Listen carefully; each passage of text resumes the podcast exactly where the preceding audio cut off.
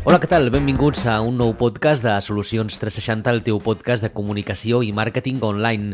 Comencem aquesta nova temporada i ho fem amb un format una mica diferent, un format una mica més de programa de ràdio en el que anirem incorporant algunes noves seccions noves d'aquí a, a uns dies, a unes setmanes, com per exemple la secció de notícies i la secció d'agenda.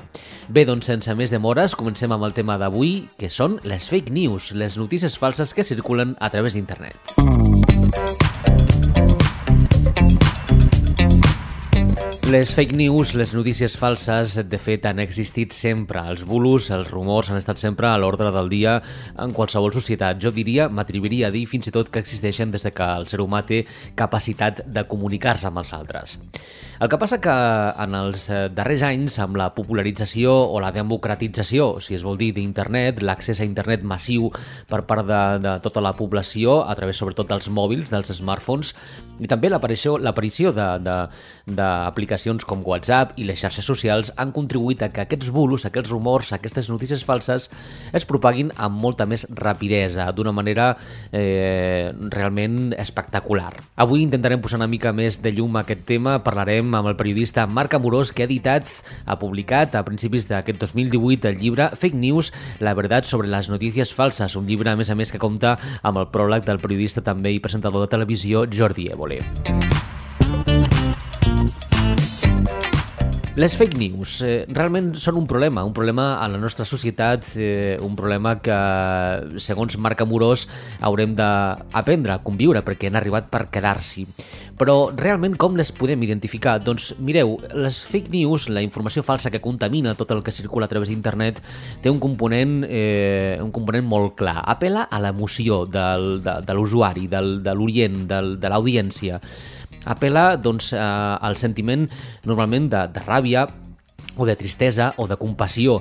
Normalment titulars o informacions que comencen amb paraules com eh, atenció o escolteu, eh, coses d'aquest tipus, fins i tot que es juguen amb temes molt seriosos com són la salut, malalties com el càncer, la sida o d'altres, doncs provoquen eh, aquest sentiment de ràbia, de tristesa, de compassió eh, en els usuaris i llavors sorgeix aquella mm, necessitat, entre cometes, de compartir, de reenviar, d'exposar aquest contingut que ens han arribat sense prèviament valorar si realment és cert, és fals, s'ha tret de context, etc.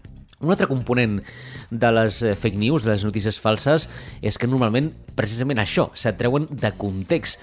Moltes vegades potser la informació en si, en la seva arrel, no és falsa del tot, no és que sigui, no és que sigui mentida, però s'ha tret de context, amb la qual cosa eh, arriba al punt de la manipulació. Bé, doncs tot aquest tipus de, aquest tipus de components són els que eh, defineixen o, o d'alguna manera tenen en comú les fake news o les notícies falses. Com podem evitar-les? Doncs d'entrada eh, sent molt crític amb un mateix i no creure's d'entrada tot el que ens expliquen o tot el que ens arriba via xarxes socials, via internet, via WhatsApp o via de qualsevol persona. Per tant, el primer que hem de fer és precisament frenar aquest impuls al que apel·len les fake news. Hem de frenar les emocions, o no frenar-les, potser hem de gestionar-les, no?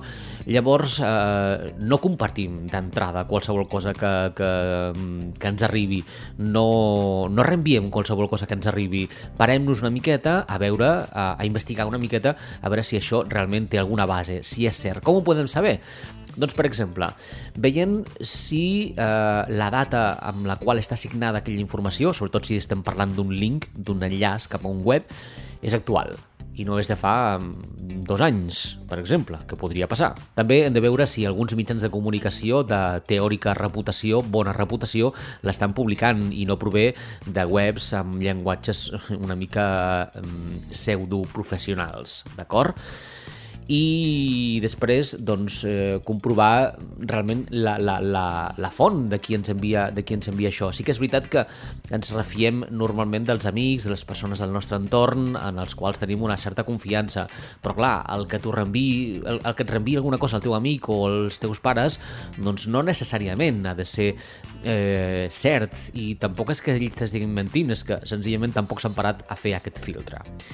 Bé, doncs, eh, les fake news, aquest problema que tenim i que ha arribat per quedar-s'hi, és avui el tema de conversa, el tema central del podcast de Solucions 360. Hem parlat amb Marc Amorós, com dèiem, periodista que ha escrit, ha escrit aquest llibre que porta per nom Fake News, la veritat sobre les notícies falses.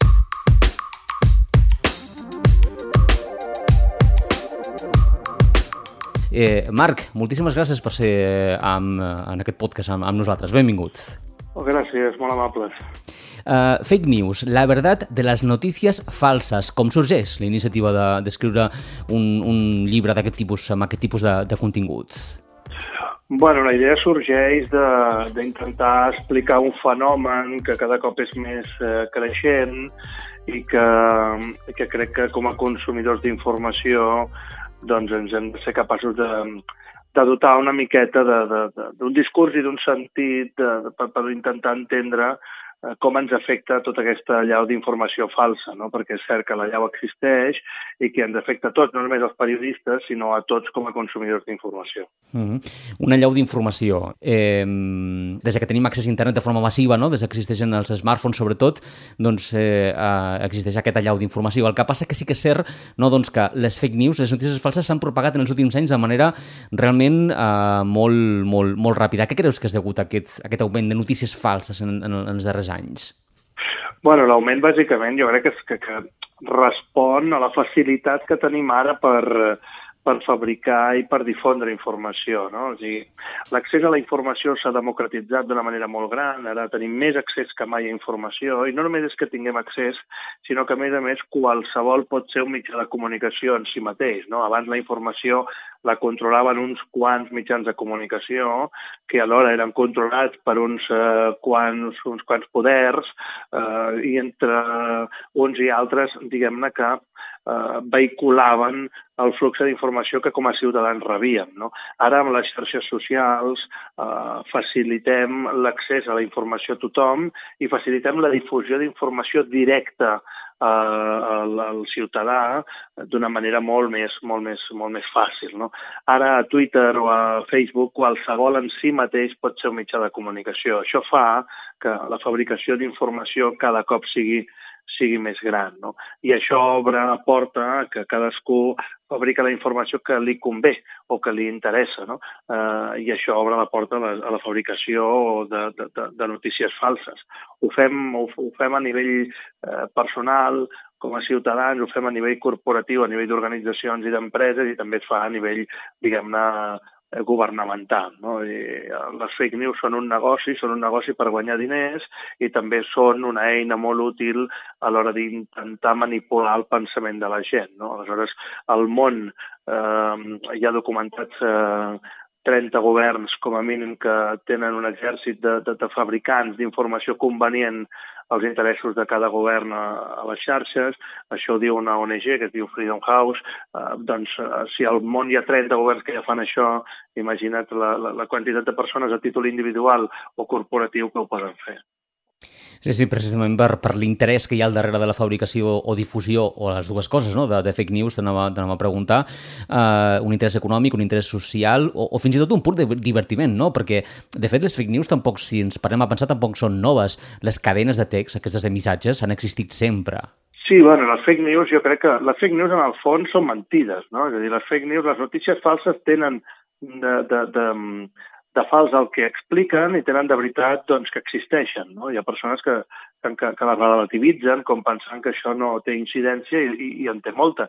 El tema és que jo crec que les fake news com a tal existeixen des que tenim ús de la paraula. El que passa que abans quedaven com més circumscrites a un grup d'amics o una colla de, de, veïns eh, i ara doncs, les xarxes socials el que fan és que una notícia creada a Macedònia a favor de Trump com es va donar a les eleccions eh, nord-americanes últimes, doncs es propaga i es viralitza a una velocitat eh, molt gran i, i, acaba aconseguint en menys de 24 hores dos milions de retuits. No? Uh, això fa que, que, que, que la, la proliferació i la, la, la gran difusió i facilitat que tenen les notícies falses per, per córrer fan que el fenomen cada cop sigui més notori i sigui més gran. No? Però no, no, no és que és nou, no? i tampoc és, és una qüestió d'una moda, que sigui una cosa passatgera, que viurem durant uns anys i després ja ja passarà, no? com si fossin les ombreres o el pantaló de campana. No?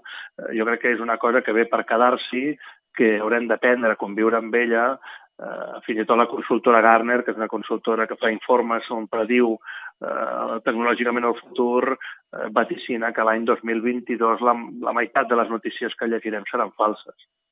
La meitat. És molt, això, eh? O sigui, la meitat de tota la informació consumida que sigui falsa. Es fa molt difícil, llavors, de fer un triatge, no?, eh, per, per, per saber què és el que és una informació falsa. Jo, per exemple, eh, moltes vegades parlant d'aquest tema amb amics, amb coneguts, diuen, és que clar, jo és que faig un retuit o ho reenvio per si de cas. Clar, però per si de cas, eh, el que ens hauríem de plantejar és què, què ens aporta fer un retuit o compartir una informació, no?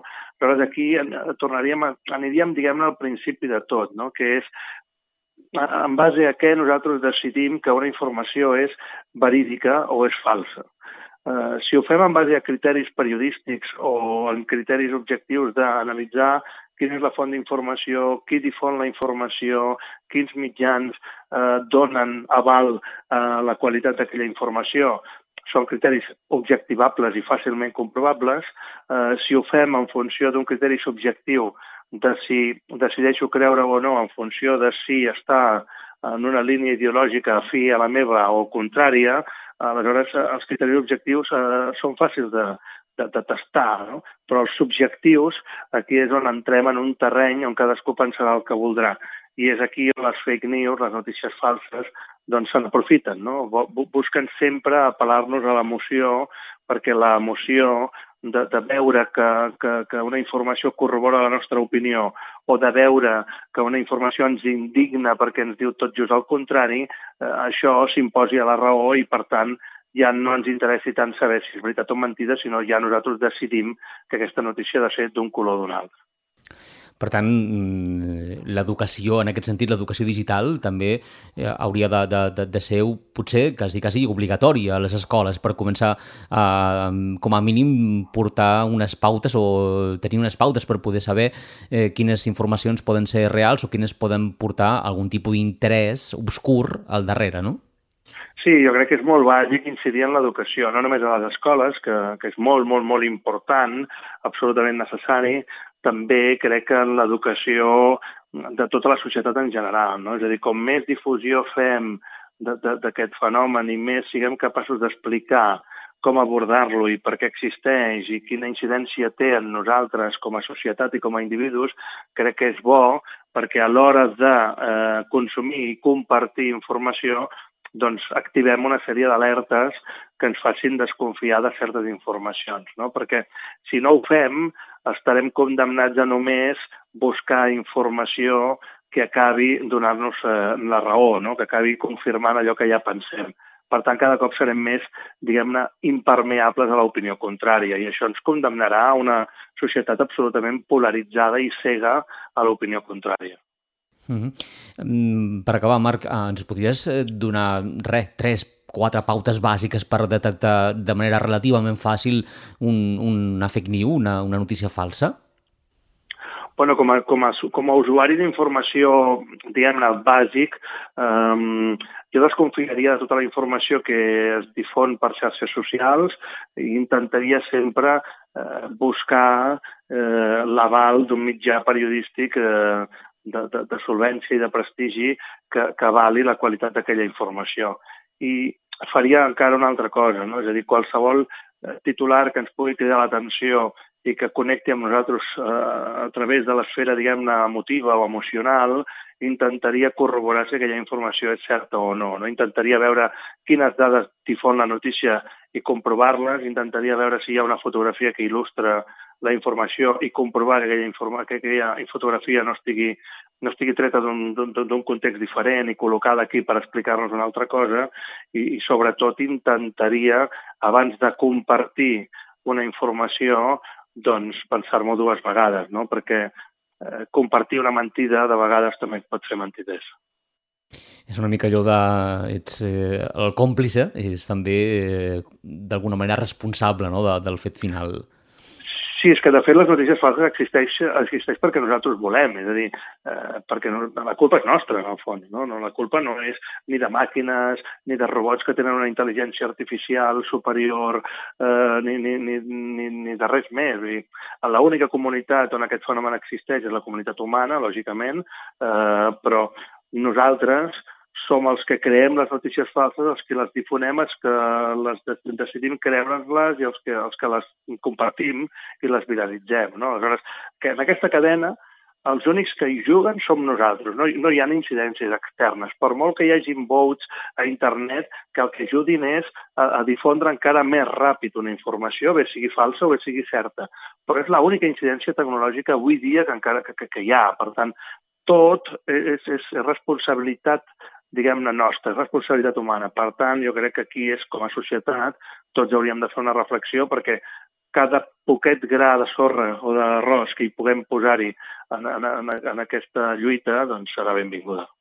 Marc Amorós, autor del llibre Fake News, la veritat de les notícies falses, també aquest joc de paraules ajuda una mica doncs, a cridar l'atenció no? sobre, sobre aquest fenomen que ens ha inundat a internet i a l'era dels smartphones a, a tots nosaltres. Moltíssimes gràcies per ser avui al podcast de Solucions 360 i, i bé, doncs eh, tot sembla que no desapareixeran les fake news, però com a mínim el que sí que podem aspirar és això, a que sapiguem detectar-les a temps quan, quan encara no s'hagin fet virals.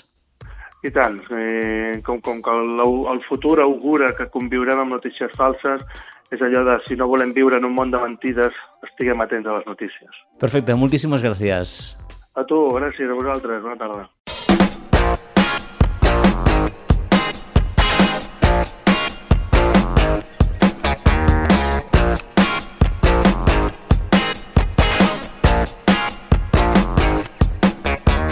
Bé, doncs, interessants reflexions de Marc Amorós, el periodista, autor de les fake news, la veritat de les notícies falses. Si t'ha agradat aquest podcast, doncs fes-li un like, comparteix-lo, eh, reenvia'l als teus contactes. També recorda que ens pots seguir al nostre, a la nostra pàgina de Facebook, Solucions 360, també hi, som a Instagram i a Twitter i també a LinkedIn. Soc en Josep Lluís Vidal, un plaer acompanyar-vos com sempre i d'aquí unes setmanes, eh, d'aquí un mes concretament, ens tornem a trobar amb més continguts aquí al blog i al podcast de Solucions 360.